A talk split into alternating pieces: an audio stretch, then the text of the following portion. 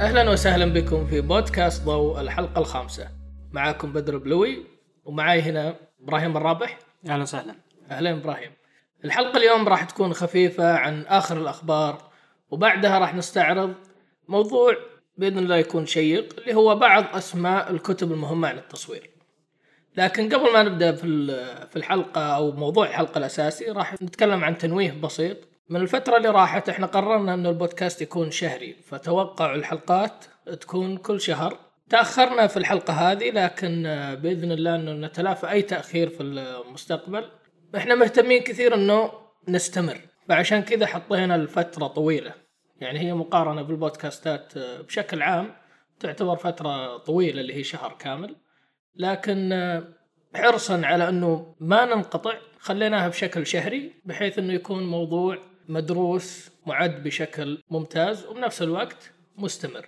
الحلقة هذه زي ما قلنا عن أخبار وبعدها راح نستعرض بعض أسماء الكتب المهمة عن التصوير. إبراهيم وش عندك أخبار؟ جايب لنا شيء كذا دسم إي طبعا ال- الخبر اللي اللي كان كثير من المصورين ينتظرونه اللي هو كان الاعلان عن الكاميرا الجديدة من كانون اللي هي ال 5D Mark 4 كانون أعلنوا عنها طبعا هي تكون بديلة للكاميرا السابقة اللي هي ال Mark 3 ما هي بديلة لل 5 دي اس ال 5 دي اس نقدر نعتبرها ك line منفصل أو خط منفصل عن بقية كاميرات ال 5D لأن هذيك طبعا فيها مساله ال 50 ميجا بكسل.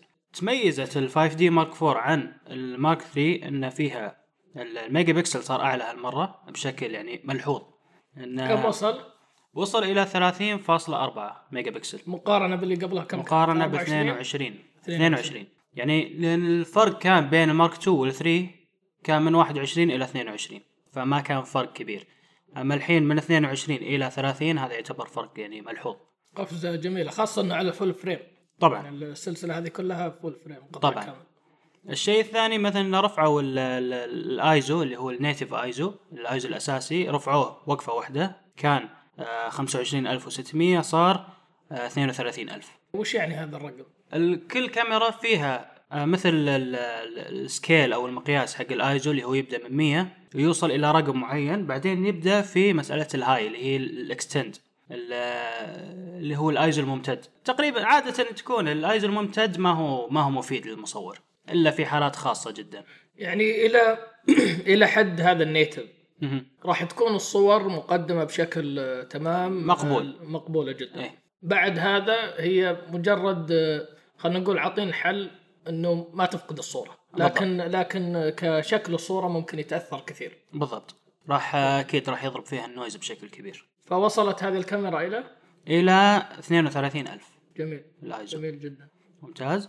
آه الشيء الجديد هالمرة إنه صارت الشاشة touch screen صارت شاشة لمس. ما أدري إذا مر من أول كاميرا full frame فيها شاشة لمس. آه مو متأكد صراحة. بس ك 5D هذه أول واحدة يكون فيها شاشة لمس. آه الشيء اللي بعده انه أضافوا آه أو رفعوا اللي هو ال frame ات بالثانية. كانت ست frame ات كانت تصور ست صور بالثانية صارت تصور سبع صور. حسنوا الفيديو صار يصور 4K هالمرة. هم تأخروا بشكل عام سواء نيكون ولا كانون في إدخال ال 4K على ال full frame جدا جدا. يعني من ناحية الفيديو وال 4K يعني سوني سابقتهم بمراحل باناسونيك أتوقع نفس الشيء بعد. باناسونيك مو ما مو مطلع عليها صراحة بس ك يعني الحين نقدر نقول الثلاثة الكبار في السوق كانون نيكون وسوني سوني. يعني متقدمة عن غيرها بال بالفيديو. 4K يعني ال 4K قاعدة تنزلها على كثير من الكاميرات. كأنه شيء يعني كأنه شيء عادي. لا أنا أتذكر نقاش كثير حتى بالكاميرا النسخة اللي قبل هذه من كانون. كثير ناس توقعوا إنه راح تنزل 4K إيه. لكن صدمتهم إنه نزلت لا عادي full HD الحين جبروا المفروض يعني أتوقع كأنها نازل متأخر بالنسبة لي يعني. إيه يعني آه، إذا إذا ما نزلوها بالنسخة هذه يعني آه، ليش؟ آه الشيء الأخير بعد اللي, اللي أضافوه من التقنيات اللي هي ال Wi-Fi وال NFC وال GPS الأشياء هذه ما كانت موجودة بال Mark 3 ولا حتى ال 5DS اللي هي المفروض إنها أعلى منهم كلهم. الشيء الثاني إن كانون مع إعلان الكاميرا هذه أعلنوا عن نسخ محدثة لعدستين اللي هي 16 35 نزل الإصدار الثالث منها والعدسة ال kit اللي هي ال 24 105 نزل الإصدار الثاني منها. الإضافة في ال- في التحديث هذا إنه صار مضاد الاهتزاز okay أو مانع الاهتزاز صار أربع وقفات بدل ثلاثة بالنسخ اللي قبل وأضافوا عليها coating جديد عشان يقلل ال flare جميل. فهذه الأشياء الجديدة بالنسبة للكانون. أما من ناحية نيكون أعلنوا عن شيء مختلف هالمرة. كان عندهم من أول اللي هي نيكون في آه نيكون school اللي هي المدرسة أو ال- ال course ات اللي يعطونها نيكون. هذه كانت بشكل آه واقعي ما كانت أونلاين. الحين صارت أونلاين. هي كانت مراكز موزعة في أكثر من فروع في حول العالم. اي نيكون school هذه كانت موجودة مثلا في أمريكا بدأت من 30 سنة تقريبا. استفادوا منها حول أكثر من مئة ألف شخص أو مئة ألف مصور من نيكون school في أمريكا. فالآن بدأوا أن فتحوها بشكل أونلاين. أضافوا فيها ثلاث course ات. كشكل مبدئي. فتحت الموقع شفت ال- ال course ات اللي حاطينها أن واحد يشتريها يشتري كل course لحال ما هو اشتراك. أنا بالنسبة لي كان ودي أنه يكون مثل الاشتراك بس ممكن إذا صار يعني في المستقبل. في عدد إلى الآن course ات كبير في الموقع ولا؟ ال course ات في الأونلاين ثلاثة إلى الآن. بس ثلاثة؟ إي ثلاثة. اللي هي واحد منهم بشكل عام اللي هو شلون تبدأ ويا كاميرتك ال- النيكون. آه، مو محددين اسم الشخص اللي يقدمها. وفي آه، جو مكنالي اللي هو آه، سفير نيكون يتكلم عن ال Speedlight التصوير فيه في ال course الثالث مع مصورة اسمها تمارا لاكي تتكلم عن تصوير ال- الأطفال والحيوانات الأليفة حاطين أي جدول لإضافة الجديد ولا ما في؟ لا. ما في أي شيء لا. والاشتراك زي ما قلت ما في اشتراك في بس تشتري ال course ات تشتري ال course فال course حق جو مكنالي وتمارا لاكي كل واحد ب 50 دولار أما ال- ال course الثالث ب 15 دولار يعني لأنه واضح انه شيء للمبتدئين جدا. جميل. هل تتوقع انه بيروحون advanced أكثر؟ لأنه أنا قاعد أفكر هل يتعارض هذا الموديل مع تواجد المراكز الأساسية ولا لا؟ أو يدعم ممكن ما. أتوقع إنه راح يدعم. أتوقع إنه راح يدعم. يعني لأن- مؤخرا فتحوا هنا في السعودية مركز النيكون school إيه. آه، شفت كذا course حضرت لهم كان آه، في talk ال- اللي هو بيت آه، براين بيترسون. إيه. كان جميل وما أدري إلى الآن وش صار تطورت المدرسة هنا لكن أذكر وقت افتتاح ال school. فهل مثلا لما يجيك course online أتوقع راح يعني ممكن يغنيك عن ال والله بالنسبة لي أشوف إن مسألة إن ال- الكورس أونلاين ما يغني عن وجود الشخص.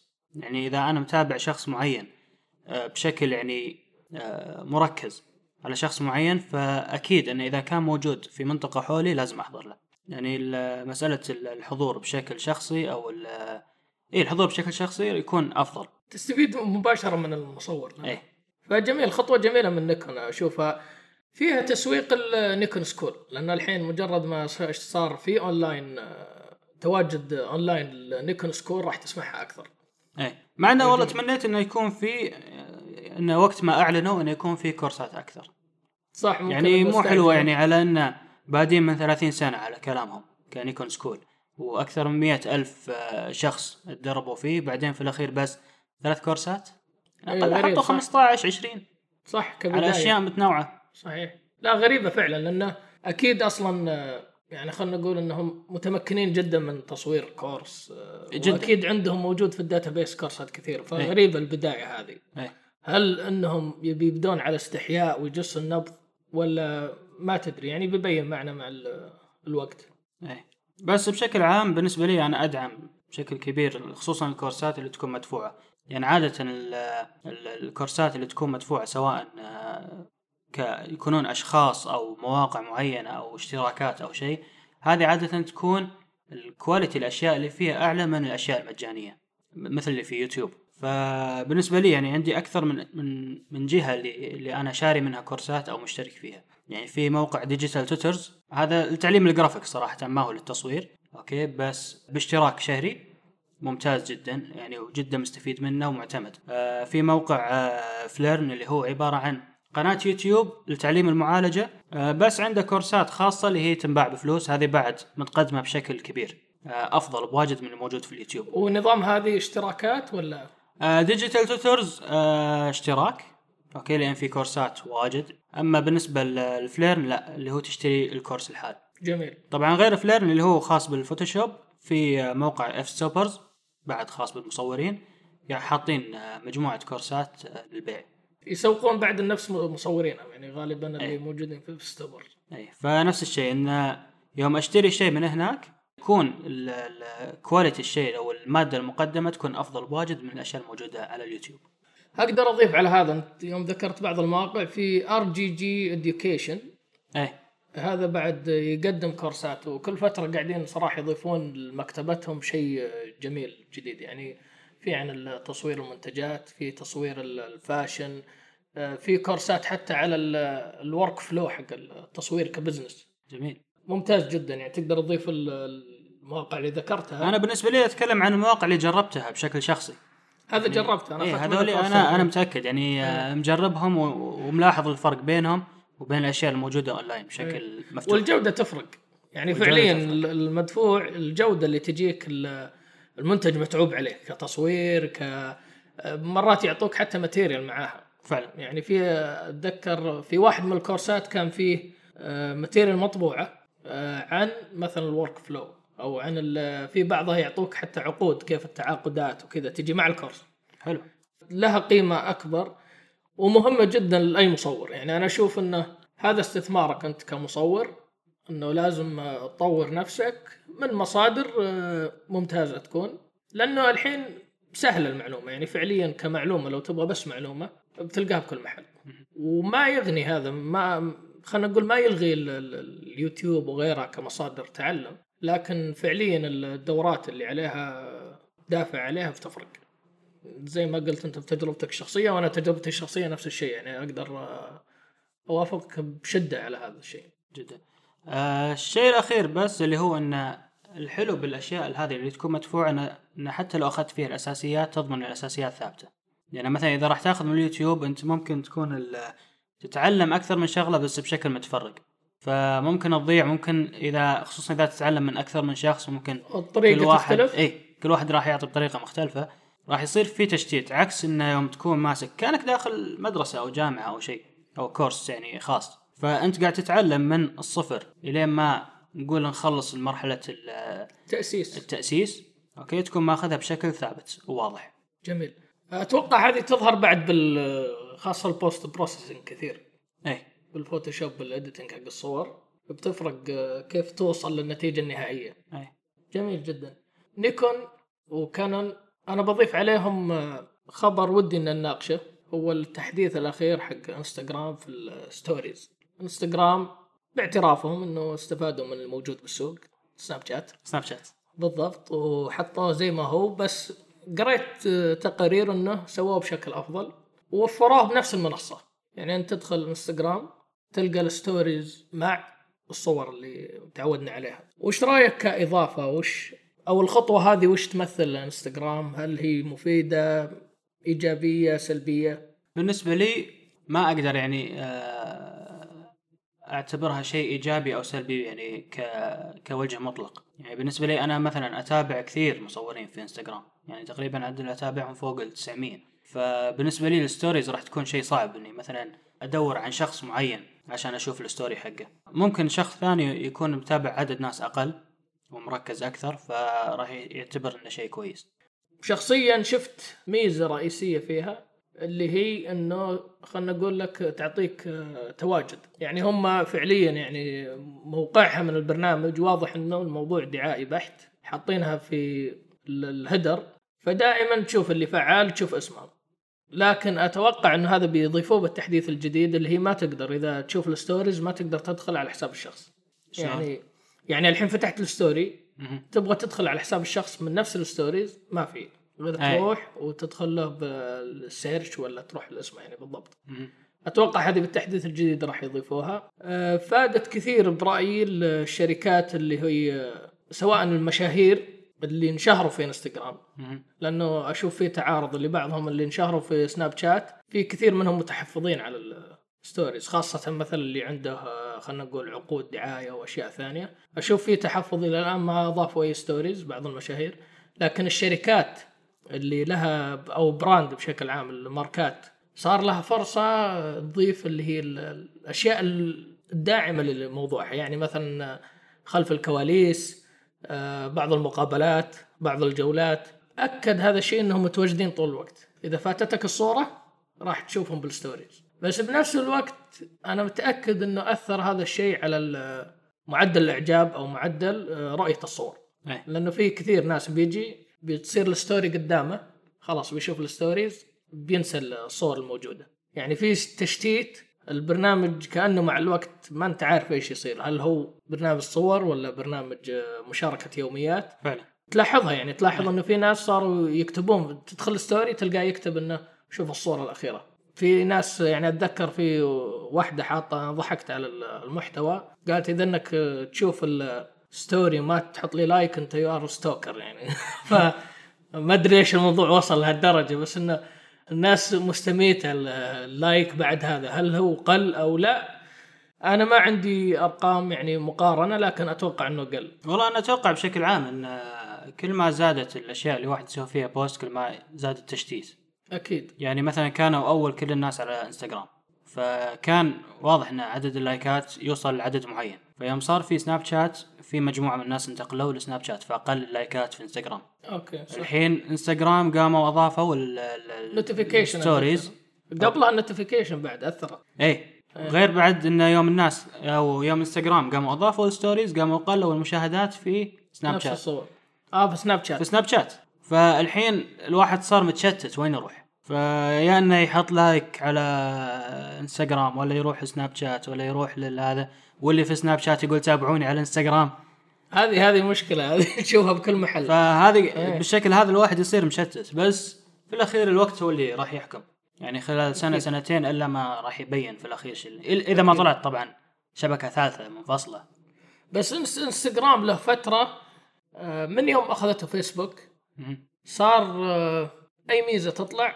قاعد ياخذها. بشكل آه، ملحوظ. يعني نكون واضحين مثلا فيسكو أضاف ال editing صرت تقدر آه، زي ال- ال- فيسكو وسناب سيد وهذه الأشياء. إيه. اضافوا الميزات هذه التحديث اللي بعده في سناب شات. في انستغرام في إنستغرام أضافوها فلاتر زادوها. آه، الفيديو كان آه، فاين الحين ما نسمع زي أول. صح. كل الناس انتقلوا من آه، فاين إلى إنستغرام. يعني لدرجة أول ما أضافوا الفيديو آه، إنستغرام كانوا في ناس حاطين هاشتاج إنه فاين the best of Vine أشياء كثيرة كلها مأخوذة من فاين جت انستغرام مع الوقت صار هو المنصة الرئيسية. الحين أنا شخصيا ما أسمع فاين زي أول. ما أدري وش حجم ال community اللي صار في فاين لكن أكيد متأكد إنه تأثر. مجرد إني ما أسمع آه، اسمه زي أول أنا أفترض إنه تأثر كثير. ما أدري إلى أي مدى. هو الأكيد إن فيسبوك يعني يحاولون قدر الإمكان يخلون عندهم تحكم بكل شيء. فأي شيء يطلع راح يحاولون يسوون يا يشترونه يا يسوون مثله. أوكي اشتهر فاين اضافوا فيديوهات في انستغرام. طلع سناب شات ما قدروا يشترونه اضافوا stories صحيح. جميل. الحين راح ننتقل إلى الموضوع الرئيسي وراح نستعرض بعض الكتب المهمة عن التصوير.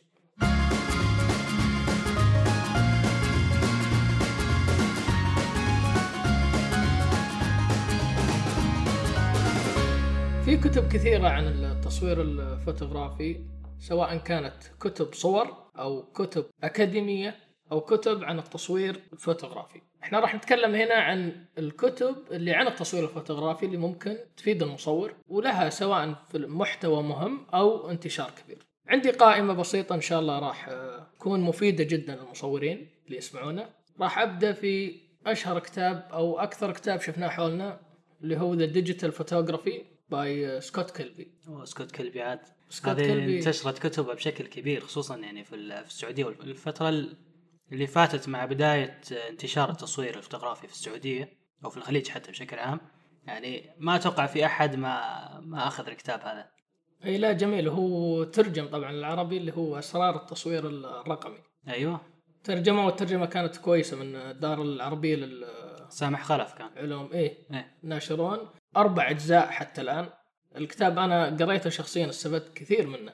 يعني هو يبدأ من مقدمة للتصوير إلى المعدات إلى كيف تصور ال- بالفلاشات وش مكونات الاستوديو وبعدين يبدأ في أنواع التصوير. يعني سكوت كلبي هو كان أو عنده إلى الآن برنامج مستمر حق تعليم التصوير بشكل عام ويشارك كان بنيكون أو إيه.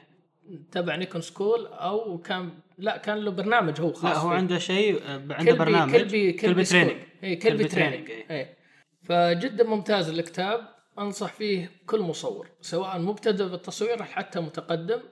الفائدة إنه يعرف معداته ويعرف وش أنواع التصوير ويعرف من شخص متمكن أو له فترة في التدريب مختص بالتصوير عن التصوير الفوتوغرافي. بعد هذا في كتاب the moment it clicks جو ماكنالي أنت تو ذكرت جو ماكنالي اي ممتاز آه. جو مكنالي والله. والكتاب ممتاز جدا. وترجم بعد من نفس المترجم وش دار النشر. الاسم اللي بالعربي اسمه لحظة التقاط الصورة. ميزة هذا الكتاب إنه رغم إن الصور اللي موجودة فيه قوية جدا ممكن يعني تتكلم بس عن كيف سويت الصورة كيف وصلت لها كيف إعدادها وش المعدات اللي استخدمتها. جو مكنالي يفضل أنه يتكلم عن الصورة ك خلينا نقول كقصة كهدف مع tips. يعني فيه تلميحات كثير أنه فعلا ال- ال moment اللي أو اللحظة اللي أنت اخترت فيها التقاط الصورة هي اللي تأثر. يتكلم عن خلف الكواليس كيف مثلا إنه الكلام مع الأشخاص يفيد يغير. في نصائح مثلا المصورين يقول لك لا تقفل كاميرتك لين ترجع إلى الاستوديو أو محل عملك.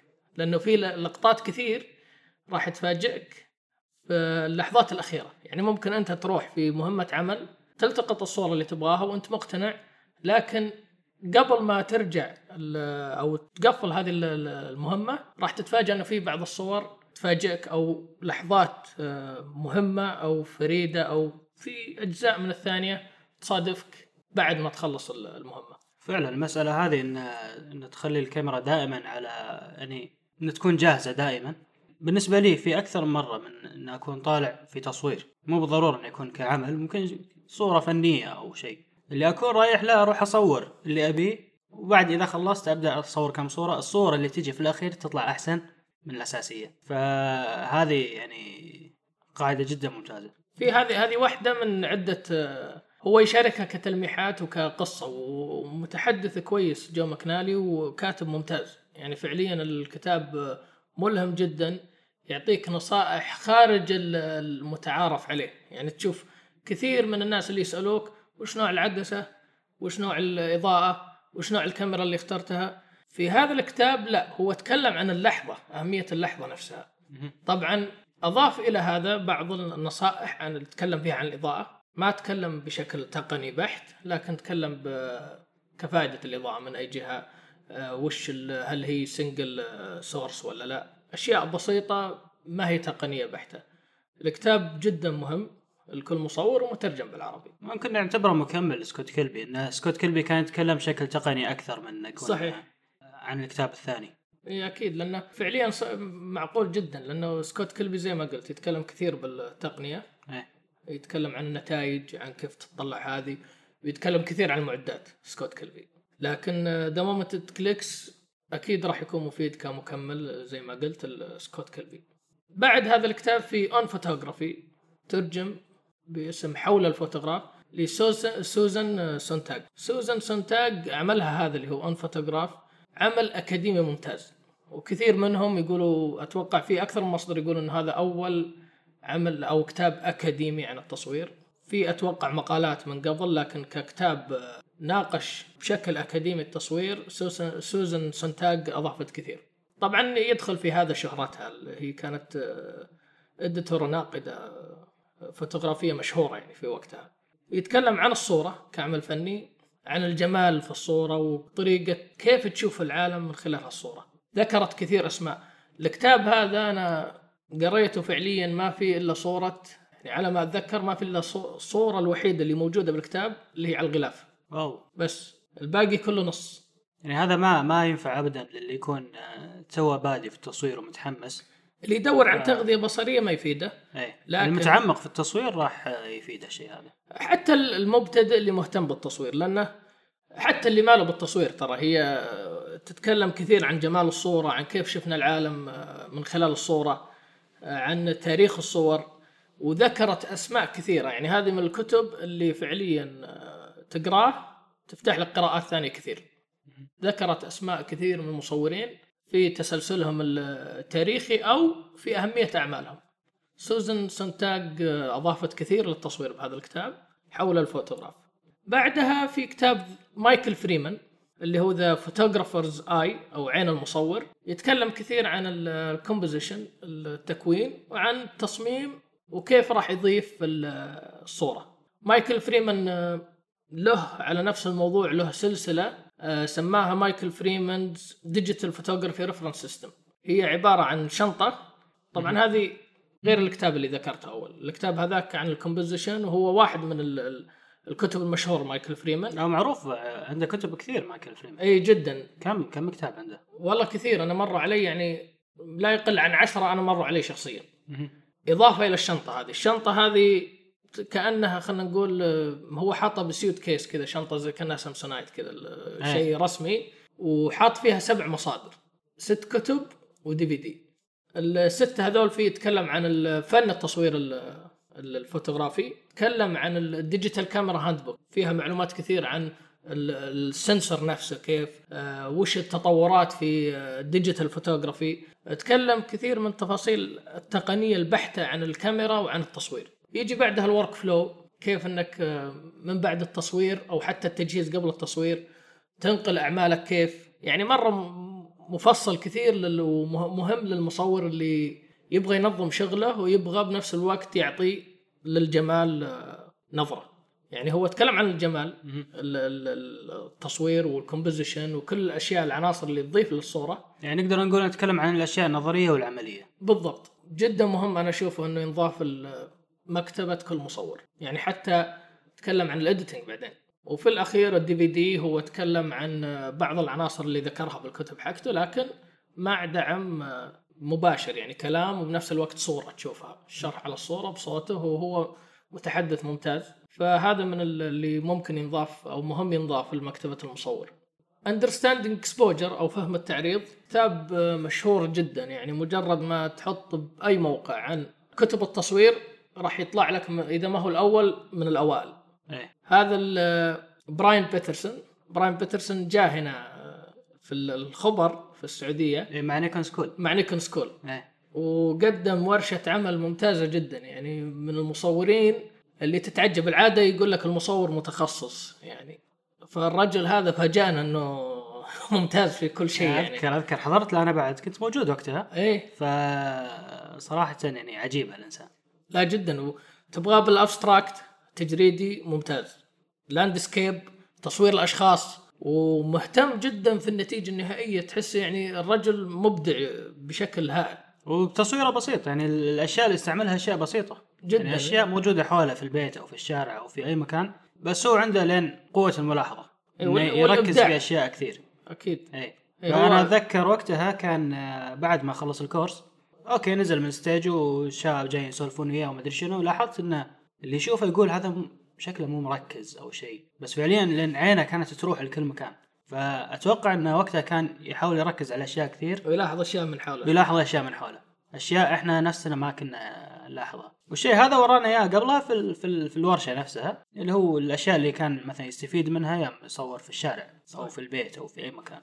لا جميل براين بيترسون. الكتاب Understanding Exposure من أشهر الكتب اللي في التصوير. هو إنتاجه وما شاء الله الحين وصلوا تقريبا أتوقع ال- الإصدار الرابع يمكن آخر واحد. الكتاب يتكلم عن التعريض فهم التعريض يعني من عنوانه ويتكلم سواء عن التعريض الصحيح أو التعريض الإبداعي. يعني هذا أشهر موضوع في في الكتاب اللي يقول لك فيه تعريض صحيح اللي هي موازنة بين ال- ال- الثلاثة الايزو فتحة العدسة وال shutter speed لكن يقول فيه بعدها اللي هو ال- ال- التعريض الإبداعي اللي أنت عندك هدف تطلع بصورة فمو شرط إنه يكون التعريض الصحيح هو الإبداعي. صح ممكن مثل ال high key وال low key بالضبط هذه واحدة من الأمثلة اللي جابها. حتى ال low exposure اللي هي ال- اللي التصوير مثلا السين آه، تصورها ب low exposure ما يطلع أحد بال- مثلا تصور سوق ب low exposure ما يطلع أحد بالصورة. هذه من الخيارات. فكتاب مبدع مهم إنه ينقرأ وما هو فعليا المعلومات اللي فيه مرة direct وما هو طويل. كتاب حابه كثير جدا هو ذا passionate photographer فوتوغرافي أو فوتوغرافي الشغوف. 10 steps toward becoming great العشر خطوات نحو إنك تصير مصور عظيم. ستيف سايمون في هذا الكتاب يتكلم عن الشغف وش فائدته في التصوير؟ ان أنت فعليا حاب الشغله مو شرط إنك حاب التصوير بشكل عام لكن وش حاب من التصوير. يعني في ناس هوايتهم التصوير ال conceptual مثلا زي في الناس يحبون ال fashion.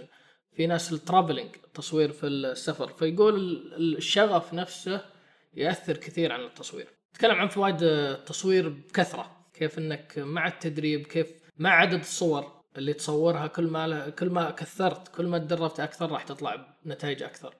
إلى مواضيع كيف تقرب للناس كيف تستفيد من المشاريع الشخصيه إنك تتح- تح- تتحدى نفسك وتحط مشاريع وش فائدتها فائدتها لك كمصور. وعن مشاركة رؤيتك مع الناس. في مواضيع كثير الكتاب هذا من أهم الكتب برأيي الشخصي ينضاف لمكتبه المصور.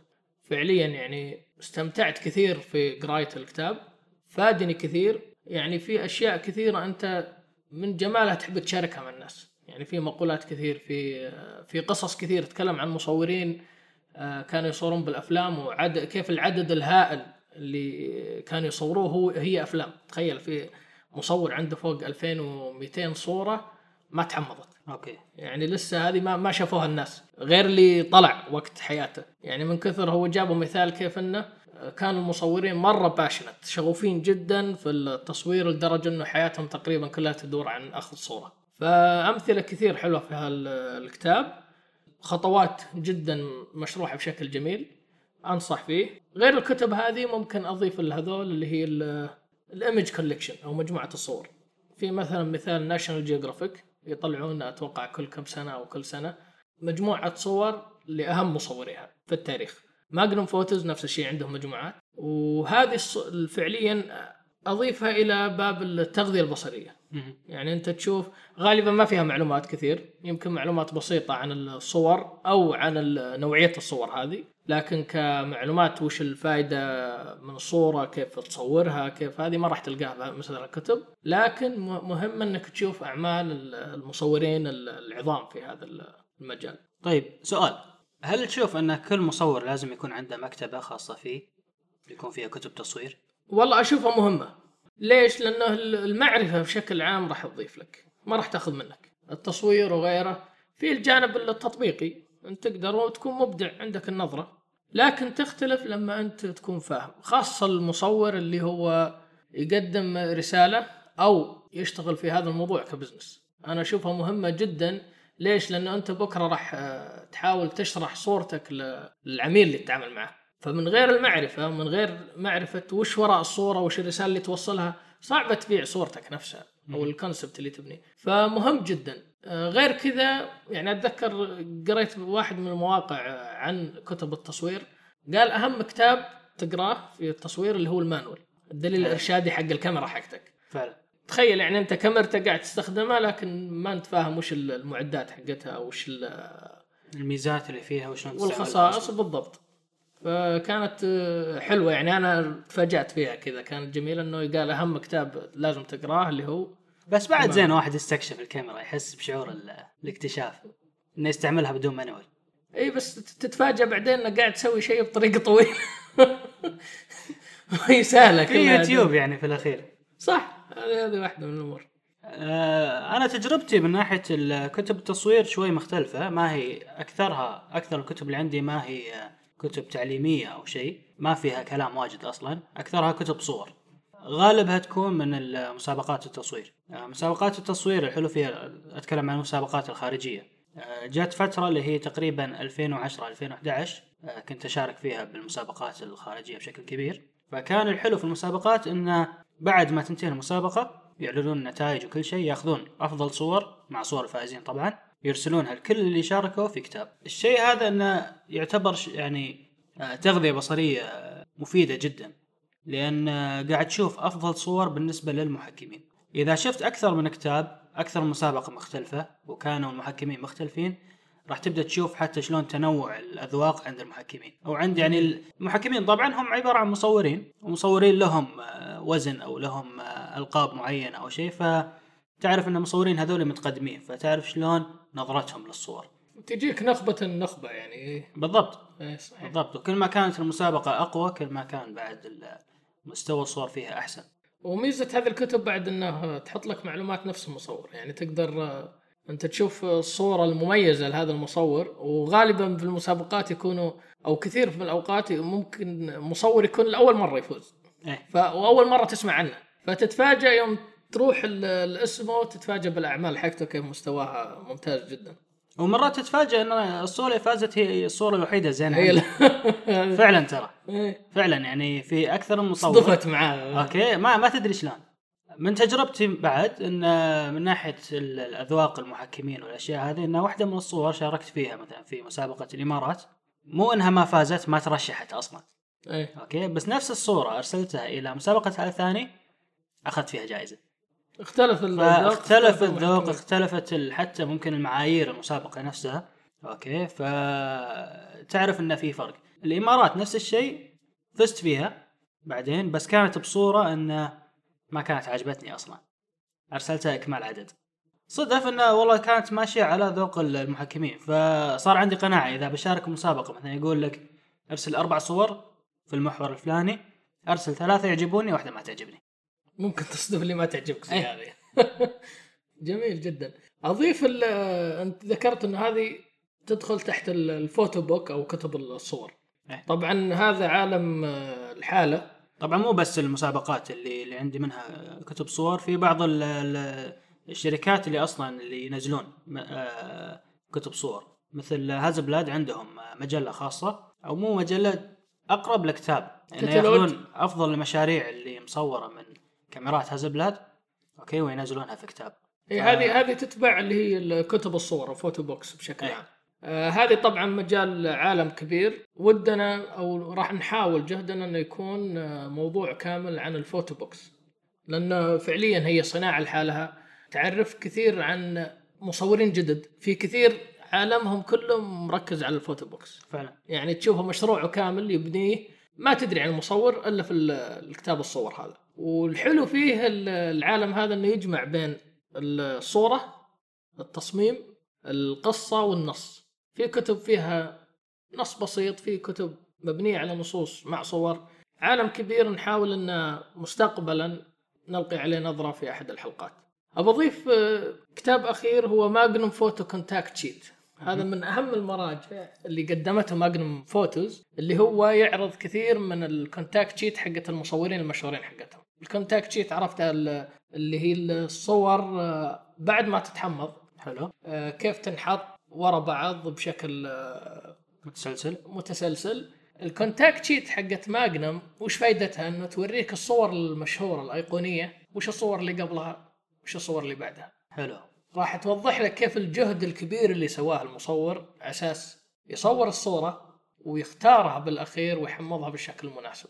يعني هي خلينا نقول تقرب هذول المصورين ال- الأيقونيين للأرض شوي تخليهم في مستوانا. تلاحظ إنه مصور ممكن أخذ له 30 صورة على أساس بس لقطة واحدة اللي هي انتشرت ما انتشر الباقي. ف Magnum Photos contact sheet مهم جدا كمصدر وحلو ينضاف لمكتبه اي مصور.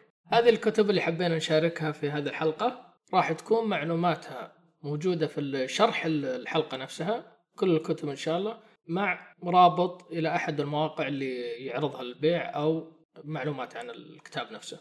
المواضيع اللي راح نتكلم فيها في الحلقات القادمة موجودة كثير بإذن الله راح نغطي عدد أكبر من المواضيع عن التصوير، نستقبل ضيوف أكثر لكن ما نستغني عن أي ملاحظات، أي مشاركات، أي مواضيع مهتم فيها أي شخص من المستمعين بإذن الله راح نلتفت لها ونحاول نحطها في الحلقات القادمة. شكرا إبراهيم. حياك الله.